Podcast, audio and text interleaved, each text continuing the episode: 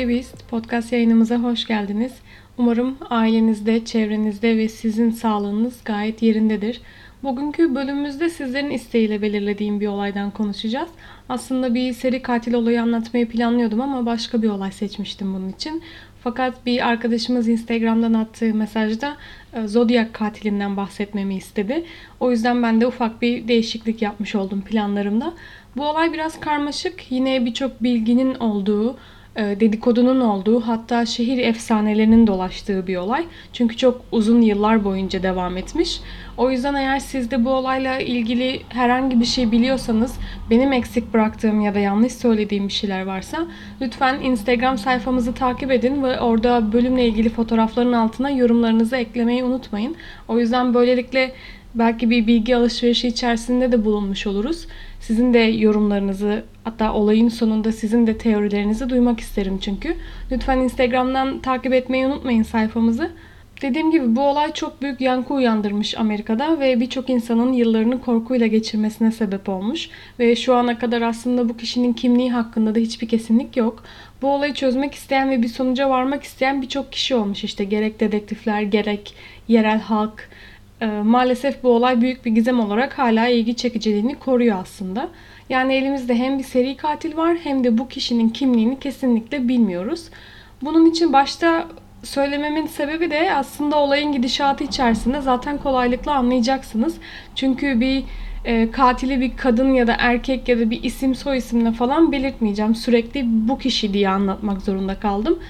Olay şu ki Zodiac katili nin bilinen ilk saldırısı Aralık 20 1968'de Vallejo, Kaliforniya'da gerçekleşiyor. Gece saat 10 çeyrek 11 sıralarında falan Herman Caddesi'nin yakınlarında bir göl var. O gece Betty Lou Jensen 16 yaşında ve 17 yaşındaki David Arthur Faraday o gün bir randevuya çıkıyorlar. Zaten bölgelerine yakın olan bir yerde bu gölün kenarına gitmeye karar veriyorlar. Aslında bu gölün çevresi de özellikle gitmek istedikleri bir yer var. Burası da genellikle çiftlerin işte insanların yalnız kalmak için hem dışarıda işte çok güzel bir atmosferde oturup hem de biraz sakinlik yakalamak istedikleri bir nokta. Gece saat 11 çeyrek civarlarında yine etrafta bulunan insanlar birkaç el silah sesi duyuyorlar ve hemen polise haber veriyorlar. Polisler olay yerine vardıklarında gerçekten çok canice işlenmiş bir cinayetle yüzleşmek zorunda kalıyorlar ve polisin vermiş olduğu bilgilere göre her iki genç de arabanın dışında yerde uzanır şekilde bulunuyorlar. Aslında David'in bedeninin yarısı arabanın içinde, yarısı da dışarıda kalacak şekilde ve yüzünden hedef alınarak vurulmuş. Betty Lou ise arabanın birkaç adım ilerisinde sırtından vurulmuş bir şekilde yatıyor. Polisler olay yerinin şekline göre her kim onları vurduysa e, arkadan onlara yaklaştığı izlenimine kapılıyorlar. Zaten oturdukları yerin ön tarafı da göl. Yani gölden birinin çıkıp da onları vuracağını zaten Orası gayet e, tahmin edilebilir olmuş ama yine de bu bilgiyi vermek istedim. David tam olarak arabanın sürücü koltuğuna geçmek üzereyken e, Betty de onun vurulmasının hemen ardından korkuyla kaçmaya çalışırken sırtından 5 kez vurulduğu düşünülüyor. Aslında bu olaydan önce o bölgede hiç böylesi bir suç işlenmemiş. Herkes yaşadığı yerde gayet güvende hissediyor. Hiç böyle bir olayın yaşanmasına da çok da ihtimal verilmeyen o küçük, sakin e, kasabalardan, bölgelerden birisi Vallejo. Polis gerçekten uzun süre bu olayın üzerine araştırma yapıyor çözmek için. Ellerinden gelen ne varsa bulmaya çalışıyorlar. Fakat hiçbir ipucuna onları bir yere götürecek bir delile rastlayamıyorlar. Zaten ellerinde hiçbir kanıt yok. Bu yüzden hiçbir fikir de elde edinemiyorlar. Betty ve David'in öldürmesinden yaklaşık 7 ay sonra da yine Vallejo bölgesinde başka bir yerleşim yerine yakın Blue Rock Springs isimli bir park var ve yine gece yarısı polisler bir ihbar alıyorlar ve bu ihbarda bölgedeki insanlar birkaç el silah sesi duyduğunu söylüyorlar. Polis olay yerine vardığında karşılarındaki manzarada ilk olarak görülen yerde bir kişinin yüzünden vurulduğu, yine onun bedeninin yakınlarındaki bir araç park edilmiş bir araçta direksiyonun üstüne yaslanmış bir kadın bedeni. Bu kadın sırtından vurulmuş. Bu arabanın içindeki kadının adı Darlene Ferrin, 22 yaşında ve diğer yerde yatan kişinin adı da Mike Muho. Maalesef Darlene olay yerinde kurşunlardan dolayı hayatını kaybederken mucizevi bir şekilde yüzünden vurulmasına rağmen Mike hala hayatta ve bu sayede polisler tam olarak neler olduğunu, nasıl olduğunu anlatacak bir kişi ellerinde bulunduruyorlar. Mike'ın verdiği ifadeye göre Darlene Mike'ı saat 11.30 gibi evinden almaya geliyor. İkilinin konuşması ve halletmesi gereken bazı konular olduğu söyleniyor. Bu yüzden ikisi bu arabayla bu parka geliyorlar ve sonrasında e, kendi arabalarının arkasına yaklaşan bir arabadan bir adam iniyor ve ikilinin arabasının yanına elinde bir el lambasıyla geliyor. Sonrasında her şey zaten çok hızlı gelişiyor. Bu adam önce Darlene'i vuruyor. Daha sonra Mark arabadan çıkıp arka tarafa doğru kaçmaya karar verdiğinde katil bu sefer arabanın arkasına yöneliyor ve Mike'a ateş etmeye başlıyor. Yüz yüze geldikleri noktada da Mike'ın yüzüne iki el daha ateş ediyor. Mike bu kişiyi kahverengi kıvırcık saçlı beyaz bir adam olarak ve yaklaşık 1.76 boylarında olarak tanımlıyor. Sonrasında olan şey ise biraz çılgınca aslında. Bu olay olduktan yaklaşık bir saat sonra Vallejo Polis Departmanı'na bir telefon araması gerçekleştiriyor bu kişi ve telefondaki kişi Darlene ve Mike'ı vuran kişinin kendisi olduğunu söylüyor. Hatta buna ek olarak da 7 ay önce gerçekleşmiş olan Betty Lou ve David'in cinayetlerini de üstleniyor. Tabi polis hemen acil olarak aramanın nereden yapıldığını bulmak için takip sistemi kullanıyor ve kısa bir süre sonra bu telefon aramasının polis merkezinden sadece birkaç blok ötede ankesörlü bir telefondan yapıldığını öğreniyorlar. Tabi sizin de fark ettiğiniz gibi ilk olarak dikkat çeken şey bu çifte cinayetlerde çok fazla benzerlik olduğu. Her iki olayda da çiftler var. Gecenin geç bir saatinde işte vurulma yerleri olsun, arabalar olsun, parkta buluşma falan olsun. Bütün bunlar e, bu kanıtların bir tesadüf olmayacağını anlıyorlar. Bu arada ankesörlü telefon üzerinde de bir DNA araştırması yapılıyor. İşte herhangi bir parmak izi falan bulunur mu diye. Maalesef hiçbir şey bulamıyorlar.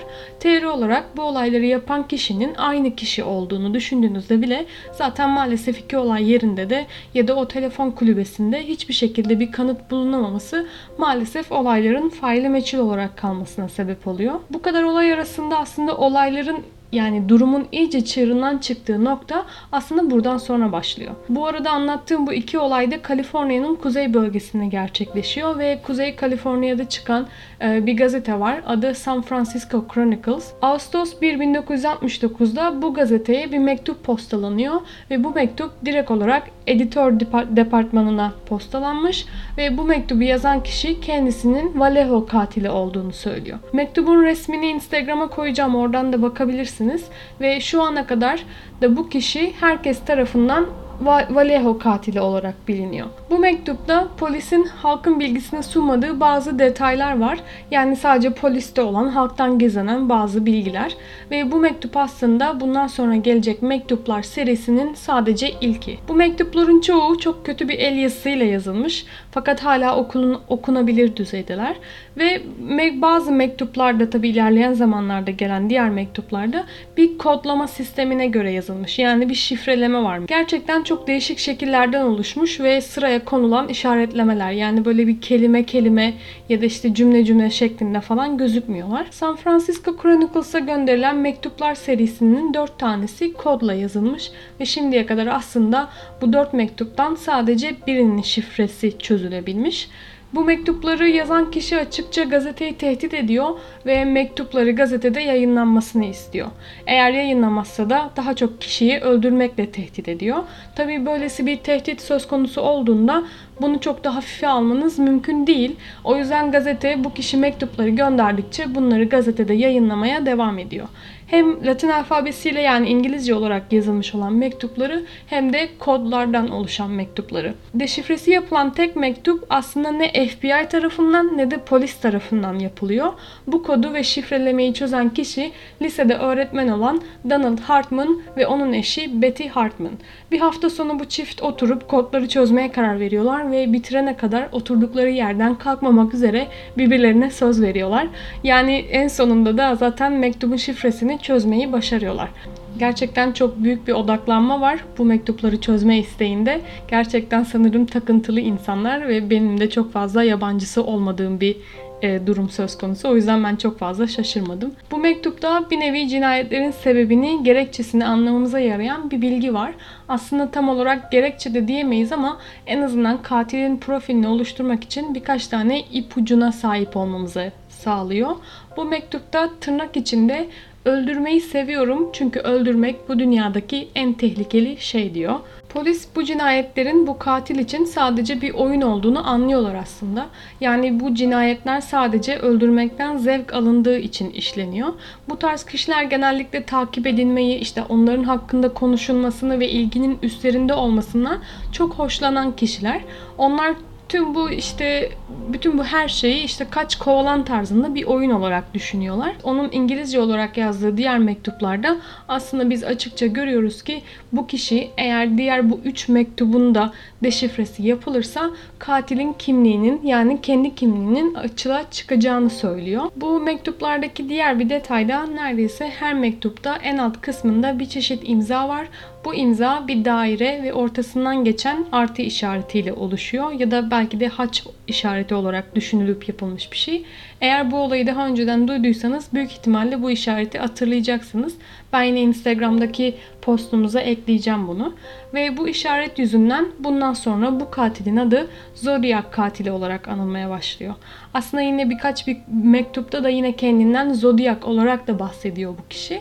Ve bu işareti yaptığı için ismi de buna dönüşmüş oluyor. Bu arada Zodiac da Türkçe'de tam olarak burçlar demek. Ya da yine benzer bir şekilde Zodiac olarak da biliniyor ama ben İngilizce olarak söyleyeceğim bunu bir özel isim gibi düşündüğüm için. Eylül 27 1969'da bu sefer Napa, Kaliforniya'dayız. Berryessa Gölü'ne gidiyoruz ve bu sefer bu göldeki botlardan birinde bir kişi çevresinde bazı ağlama sesleri duyuyor ve sesleri takip ederek ulaştığı noktada iki kişinin çeşitli yerlerinden bağlandığını ve bıçaklanmış olduklarını görüyor.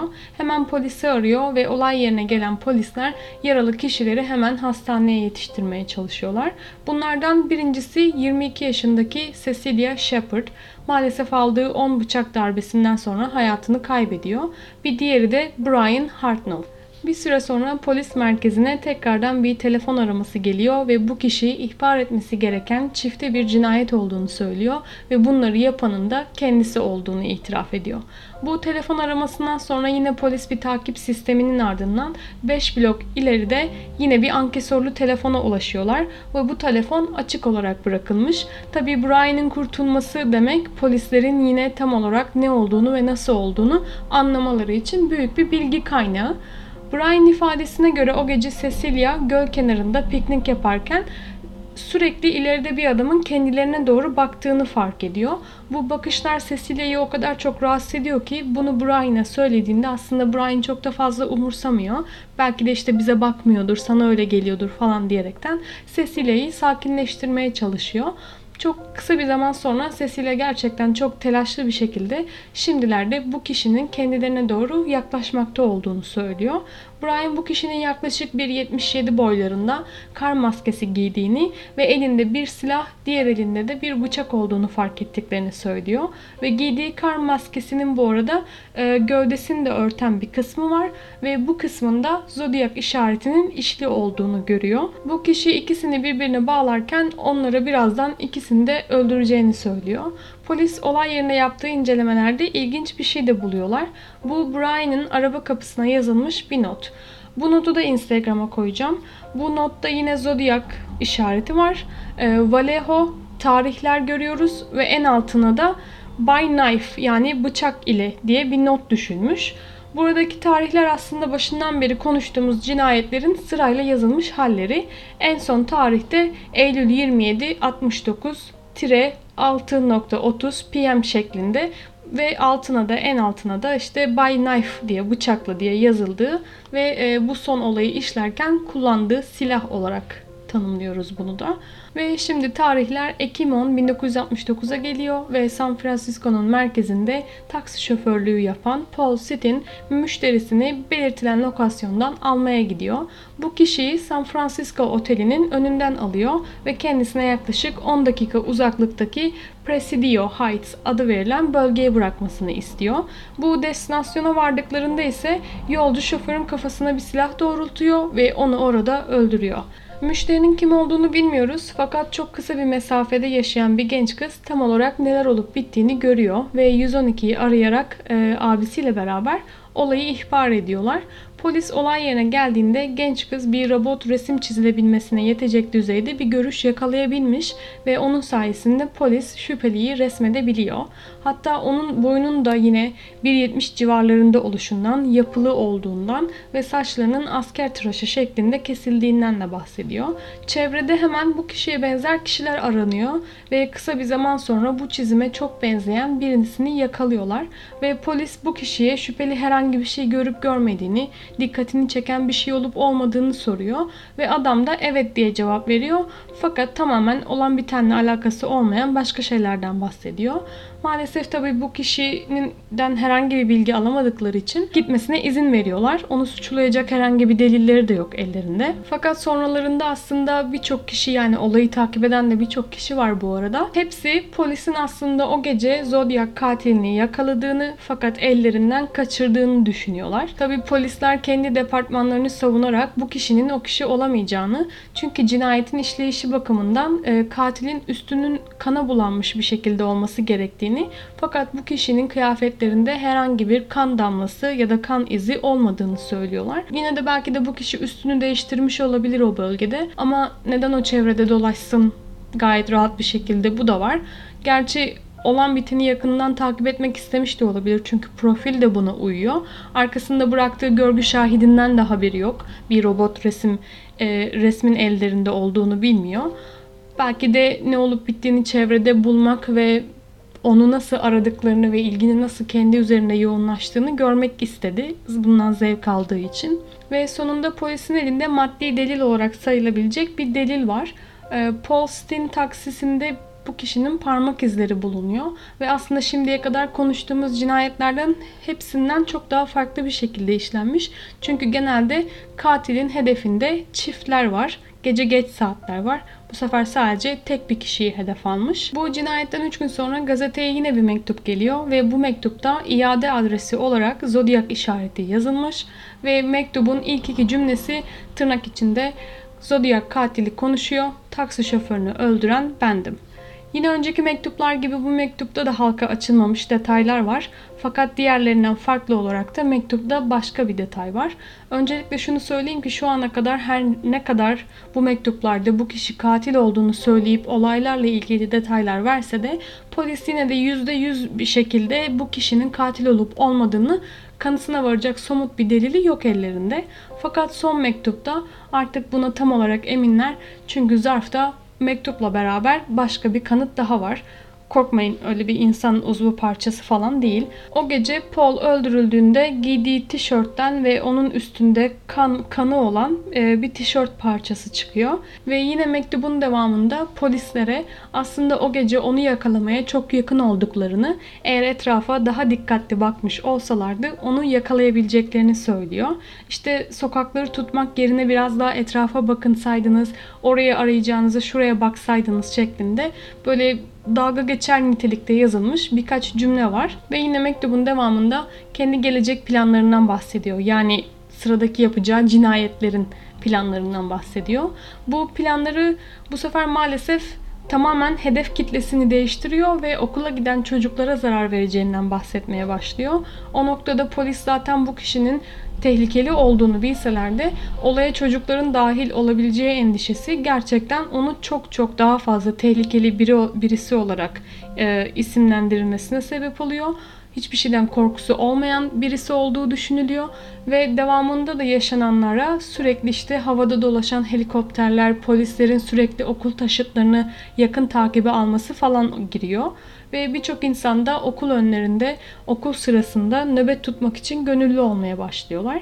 Aslında herkesin tekrardan hissetmek istediği tek duygu yeniden güvende olabileceklerini bilmek. İnsanlar yakın kasabalarda, mahallelerde falan toplanmaya başlıyorlar. İşte katilin özelliklerinden, belirtilen ipuçlarından falan konuşup çevrelerinde olan bitene daha dikkat etmelerine işe yarayacak bir şekilde birçok bilgiyi birbirleriyle paylaşmaya başlıyorlar. Polis zaten bütün bu elde edilen bilgilerde çok tehlikeli biriyle baş etmeye çalıştıklarını anlamıştı.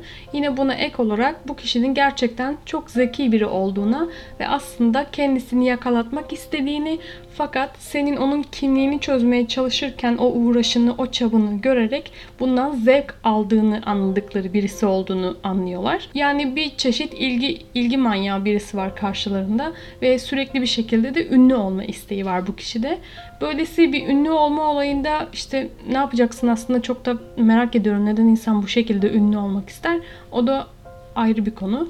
Bu mektuplarda sürekli insanların her nasıl işte barış sembolünü kıyafetlerimizde ya da takılarımızda taşıyorsak insanların zodyak işaretini giymelerini ya da takı olarak kullanmalarını istiyor. Tabi hiç kimse böyle bir şey yapmıyor ve bu işlediği cinayetlerden e, kendi kişisel açık alan satrancını oynadığını belirten ifadeleri var. Yani bütün bunlardan bir oyunmuş gibi bahsediyor. Aslında şans eseri de okul çocuklarına yönelik tehdidi hiçbir zaman gerçekleşmiyor ve zaman içinde mektupların geliş hızları da azalıyor. Fakat tabi bunun olmaması demek cinayetlerinde durmuş olduğu anlamına gelmiyor. Tarihler Mart 22 1970'i gösterdiğinde yine Kaliforniya'nın başka bir bölgesinde Sinhala sanırım eğer yanlış telaffuz etmiyorsam Paul Stein cinayetinden 5 ay sonra bu sefer Caitlin John küçük kızıyla birlikte bir yolculukta yaklaşık 105 kilometre uzaklıkta bir destinasyona doğru e, seyahat ediyorlar ve o sırada kendisi hamile. Yolculuğu devam ederken bir araba yanlarına yaklaşıyor seyir halindeyken ve el işaretleriyle kendisinin arabayı çek, kenara çekmesini söylüyor. Catelyn bunu yapmaya karar verdiğinde arabadan inen adam ona tekerleğinin gevşemiş olduğunu ve isterse onun için tamir edebileceğini söylüyor. Yani sakın böylesi bir şeyde kesinlikle durmayın. Daha da hızlı gidin. Çok saçma. Ve adam arabanın arkasına sözde tamirini yaparken Catelyn'ın görmediği anlarda haliyle tamir edecek hiçbir şey olmadığı için onun yerine gerçekten tekeri gevşetmeye başlıyor. Catelyn deneme sürüşü yapmak istediği anda da teker patlıyor ya da yerinden ayrılıyor. Her neyse nasıl bir sonuç oluyorsa. Ve adam Catelyn'a hiçbir sıkıntı olmadığını isterse kendisinin onları gideceği yere kadar bırakabileceğini söylüyor. Ve tabii ki de Catelyn kabul ediyor. Her şey yolunda yollarına devam ederken çok kısa bir süre sonra bu kişi tamamen gitmesi gereken yolun zıttı yönünde hareket etmeye başlıyor ve artık kimliğini ortaya çıkartacak şekilde de tırnak içinde yine sıradaki sensin, seni öldüreceğim, kızını da yol kenarına atacağım tarzında korkunç şeyler söylemeye başlıyor Catelyn'e. O sırada Catelyn ve kızı ve kendisi için zaten çok büyük bir tehlikede olduğunu anlıyor.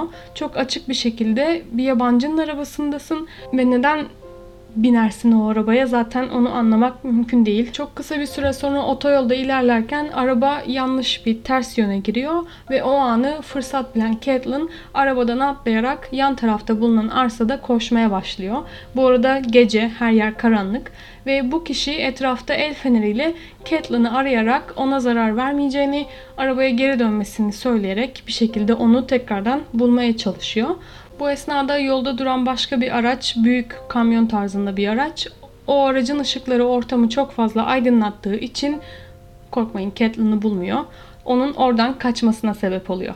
Çünkü dikkat çekmeye başlıyor o kadar ışık altında ve Catelyn şans eseri bu olaydan korkudan ve travmadan başka bir yere almadan kızıyla beraber kurtulmuş oluyor. Olayı polise ihbar ediyor. İfadesini verirken de polis merkezinde Zodiac katilinin e, Paul Stein taksi şoförünün olayında çizilmiş olduğu robot resmini görüyor ve herhangi bir şekilde tereddüt etmeden kendisini kaçırmaya çalışan kişinin bu resimdeki adam olduğunu söylüyor. Birkaç gün sonra gazeteye ulaşan diğer mektupta kendisinin çok üzgün olduğunu belirtiyor ve hiç kimsenin zodyak işareti taşımadığı için çok üzgün olduğunu e, ve artık öldüreceği insanların bir listesi olduğunu söylüyor. Bu listenin en başında da Catelyn ve kızının olduğunu, çıktıkları yolculuğun aslında çok ilginç olduğunu ve onları bulduğu noktada işte bıraktığı arabasının Catelyn'ın kendisinin yaktığını söylüyor. Bu katilin en son bilinen mektubu gazeteye 1974 yılının Ocak ayında ulaşıyor ve mektup sanırım o zamanlar vizyona giren Exorcist isimli bir film var. Türkçede de Şeytan ismiyle çevrilmiş. O filmi çok beğendiğinden bahsediyor. Ve not olarak da bu mektubun e, eğer yine yayınlanmazlarsa kendisinin çok kötü şeyler yapacağını, herkesin zaten onda bu potansiyelin olduğunu bildiklerini söylüyor. Ve altına da çok küçük bir şekilde bir skor tablosu çizmiş ve burada işte ben 37, polis 0 diye küçük bir not düşmüş.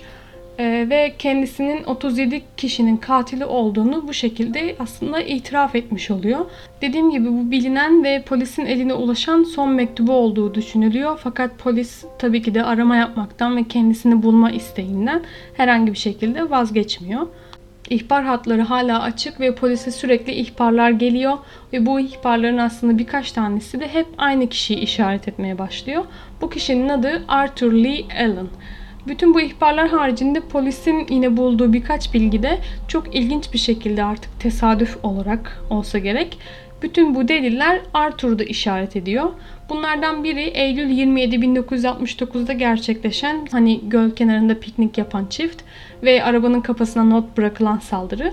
Arthur o gün çevresine o göle dalış yapmaya gittiğini söylemiş. Aynı gün aynı göl. Ve o gün yine gölden geri döndüğünde ailesi onun kıyafetlerinde kan olduğunu farkına varıyorlar ve aynı zamanda arabasının ön koltuğunda da bir bıçak gördüklerini söylüyorlar. Polis Arthur sorguya alıp işte bu tesadüfleri ona sorduğunda Arthur tamamen olan bitenin hikayesini değiştiriyor ve o gün aslında göle değil sahil tarafına gittiğini ve orada mangal yapmaya çalışan e, fakat tavuk kesmede başarılı olamayan bir gruba yardım ettiğini o yüzden bıçağın olduğunu ve üstünde de kan olduğunu söylüyor.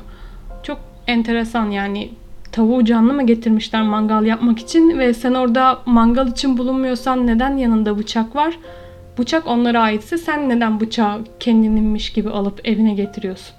Umarım sormuşlardır bunu ama sormamışlar. Bu yüzden ellerinde herhangi bir somut delil olmadığı için Arthur'u serbest bırakmak zorunda kalıyorlar. Her şey bir süre durulmuş gibi gözükse de iki sene sonra yeniden bir şey oluyor bu sefer Arthur'un bir arkadaşı çok yakın olduklarını iddia eden birisi polisi arayıp onlara birkaç ilginç bilgi vermek istediğini söylüyor. Bu kişi Arthur'un tüm cinayetler başlamadan önce kendisini Zodiac olarak tanıttığını ve arkadaşına silahına bir el lambası bağlamak istediğini, böylelikle öldürmek istediği kişilere daha iyi nişan alabileceğini, daha iyi görebileceğini anlattığını söylüyor. Polis tekrardan Arthur'u sorguya aldığında Arthur'un söylediği ilk şey en tehlikeli oyun oluyor.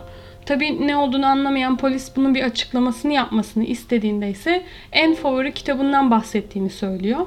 Bu kitapta katil olan kişi siyah kıyafetler giyiyor ve çiftleri hedef alarak onları öldüren e, bir katilin hikayesinin anlatıldığı bir kurgu var kitapta.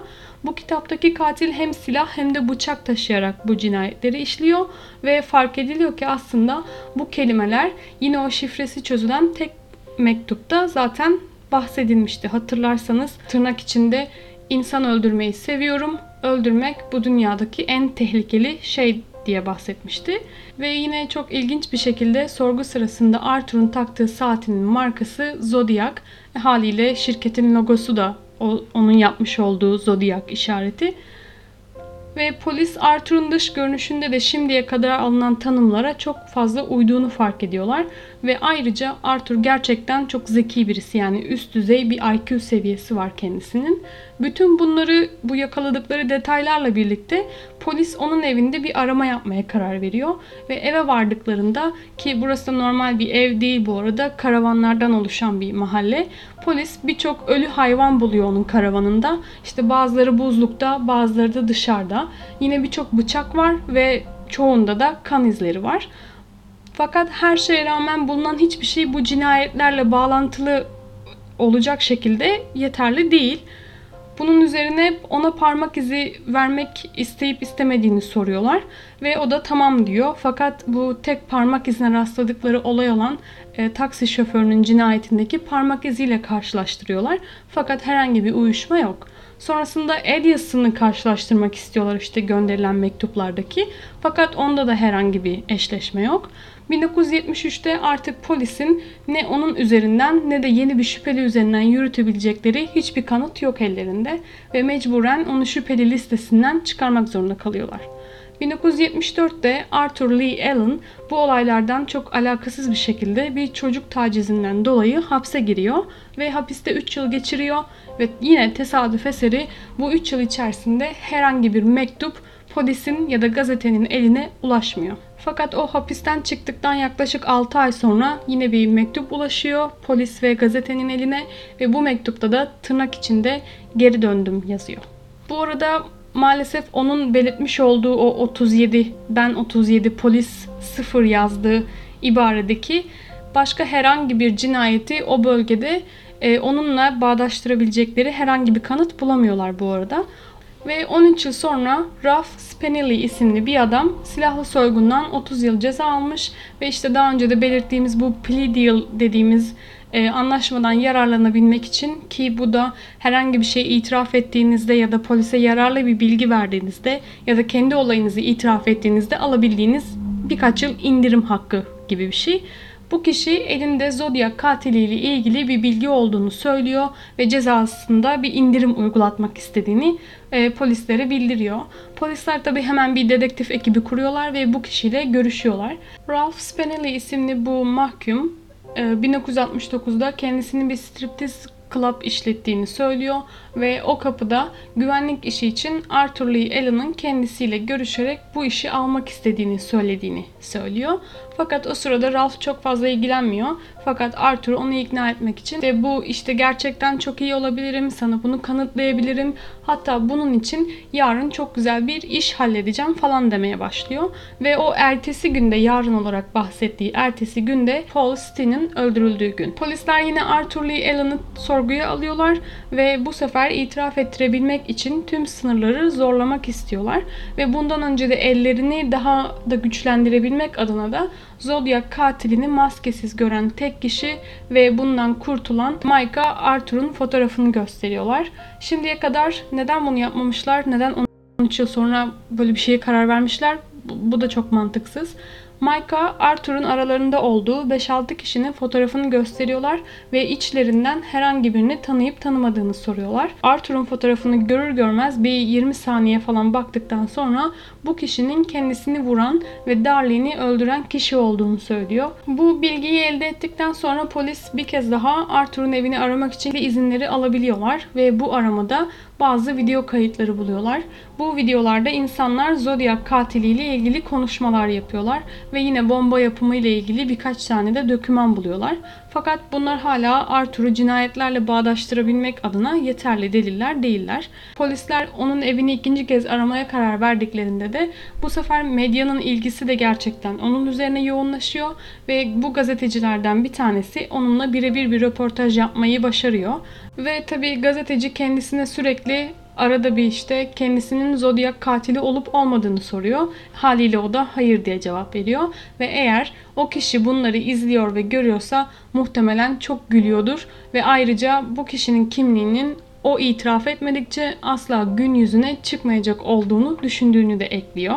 Gelişen teknolojiyle falan birçok insan hala bu davanın çözülebilecek olduğuna inanıyorlar ve Ağustos 92'de e, George Boover isimli bir dedektif davayı çözüp kapatmak için aktif olarak çalışıyor. Kendisine gelen bir telefonda Arthur'un kalp krizinden öldüğünü ve gerçekten üst düzey bir IQ seviyesi olduğu için ve otopsiden de geçmek zorunda kaldığı için e, onun vücudundan birkaç parça ve beyninden birkaç parça saklanıldığı işte buzlukta belirtiliyor. Eğer isterlerse polisin elindeki DNA örnekleriyle bunları karşılaştırabileceklerini söylüyorlar. Ve maalesef bu eşleşme bu telefon aramasından 8 yıl sonra gerçekleştirilebilecek. Bundan çok fazla emin değilim bu eşleştirmeden ne çıktı ama elimizde başka bilgiler var. Şimdi onları anlatacağım. Yine başka bir dedektif olan Kelly Carroll da davayı tekrardan açmaya karar veriyor ve gönderdiği bütün mektuplar, katilin gönderdiği bütün mektuplar tekrardan adli vaka incelenmesine alınıyor ve daha detaylı bir araştırma yapılıyor bunların üzerinde. Bunun sonucunda polise gönderilen bu mektuplardan 5 tanesinin kesin olarak Zodiac katili tarafından gönderildiğine karar veriyorlar. Bu Demek ki diğerleri ondan gelmedi mi? Bundan tam olarak emin değilim ama kesin olarak 5 tanesi en azından aynı kişiden gönderilmiş. Ve bu arada polisler yine mektupların üzerinden bu pullardan DNA örnekleri almaya çalışıyorlar. Hani tükürüğünüzle yapıştırdığınızı varsayarak. Bunun sonucunda elde edilen bilgiler de tek bir kişi üzerine yoğunlaşmıyor. İlginç olarak farklı genetik özellikleri buluyorlar bu pulların üzerinde. Ve bunlardan hiçbiri Arthur'la uyuşmuyor. Benim bu dava hakkında öğrendiğim tüm bilgiler bu kadar. Eğer sizler daha fazla şey biliyorsanız ya da sizin farklı teorileriniz varsa yine Instagram'da e, bırakacağım fotoğrafların altına yorum olarak yazabilirsiniz. Tabii bu olay çok ilgi çekici olduğu için ve çok uzun zaman konuşulduğu için birçok insan da teori geliştirmiş. Bunlardan bazıları da işte sadece bir tane zodyak katilinin olmadığının düşünülmesi. Belki de 3-4 farklı kişi kendisini zodyak katili olarak tanımlıyordu. Ya da bazıları gerçekten bu kişinin Arthur Lee Allen olduğunu düşünüyorlar. Fakat onun aşırı zeki olması bu arkada bıraktığı izleri kolaylıkla kapatabildiğini bu sayede düşünen insanlar var. Ya da Belki de şimdiye kadar hiçbir şekilde polisin radarına yakalanmamış, takılmamış birisi de olabilir. Belki de gerçekten Arthur'un dediği gibi bu şekilde e, uzaktan olan biten her şeyi izleyen ve sadece gülen bir katil vardı dışarıda bir yerde. Bu haftaki olayımız bu kadar. Bana bu olayı anlatmamı rica eden arkadaşa teşekkür ederim. Ben de bu olay hakkında birkaç bir şey biliyordum fakat bu kadar detaylı öğrenmemiştim daha önce. O yüzden gerçekten çok ilgi çekici bir şey. Lütfen Instagram'daki sayfamızı da takip edin. Yine oradan e, hem bıraktığı mektupları hem işte fotoğrafları, işte kurbanların fotoğraflarını falan hepsini koyacağım oraya. Hatta takip ederseniz yine gelecek bölümlerle ilgili e, haberiniz olur ve büyüyen ailenize böylelikle siz de katılmış olursunuz. Dinlediğiniz için teşekkür ederim. Kendinize dikkat edin. Hoşçakalın.